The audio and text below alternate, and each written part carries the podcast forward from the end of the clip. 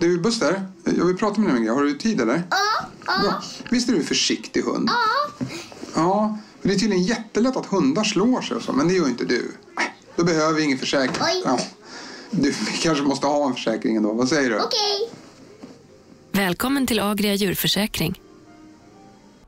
Ja, Jag hörde från, eh, träffade Dick, Dick Axén här för två, tre dagar sedan. Okej. Och han hade tydligen gjort så. Han skulle ju... Han har ju inte tagit någon semester nu på... Förutom under sommaren då, tre veckor. Så har han inte tagit ut någon semester eh, vare sig på vinterhalvåret eller vår då. Ja. Så han hade ju bestämt sig för att göra en solotur då eh, ner till Normandie och sen eh, via färja åka till Hastings då. Jaha. Hur länge är han borta då? då? Faktiskt inte hur, vad han sa där och hur, hur långt den här färjeturen skulle ta då. Men eh, Nej. den skulle ju gå i, i samma tur då som eh, vikingarna åkte från eh, Normandie på 1000-talet då.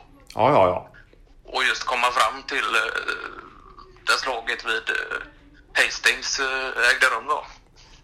Ja, ja. Så det är som någon slags historie... historieresa då? Historiens ja, inslag? Ja. Är det något... Så det var något... väl eh, någon liten paketresa där då. Ja, det var Men det, sen ja. får han Ja. väl eh, komponera ihop själv hur han tar sig till Normandie och, och hem från Hastings då. Ja, just det. Ja, och det är inget du eh, känner dig sugen på att- följa med på?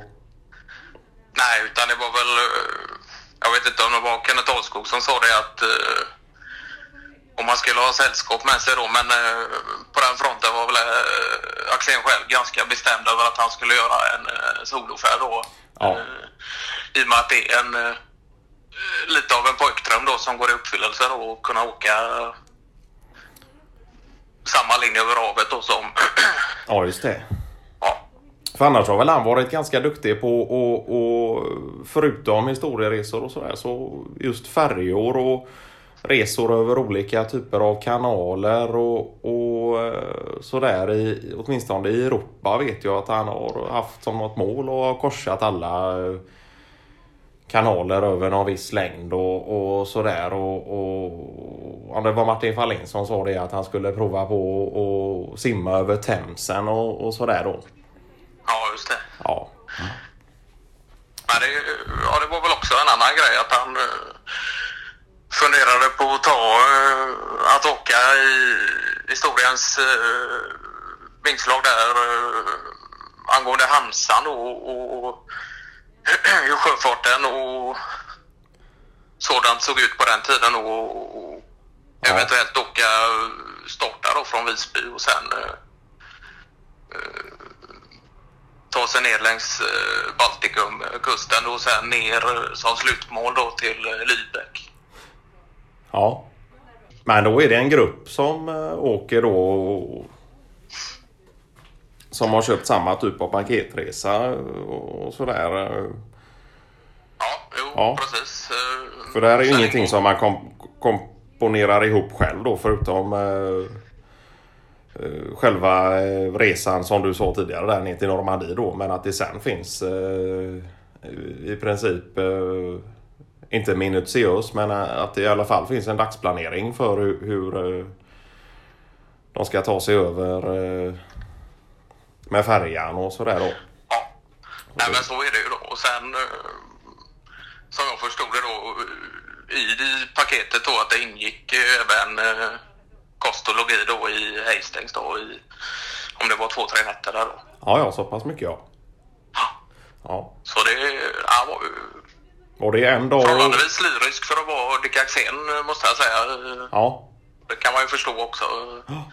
Men då kommer de fram någon gång på, på förmiddagen och så är det lite historielektion och, och rundvandring och sådär. Och... Är det det varje Ja, dag då? Eller var det Jag lite fri lek på dag två? Ja. I och med att uh, Axén själv är så pass påläst på ämnet uh, så just är det väl mycket eh, att man har egen tid och går runt på museer och, och sådär. Och sen kan Ja. man väl säkert välja artiklar om man vill ha en eh, guide och sådär Ja. också då.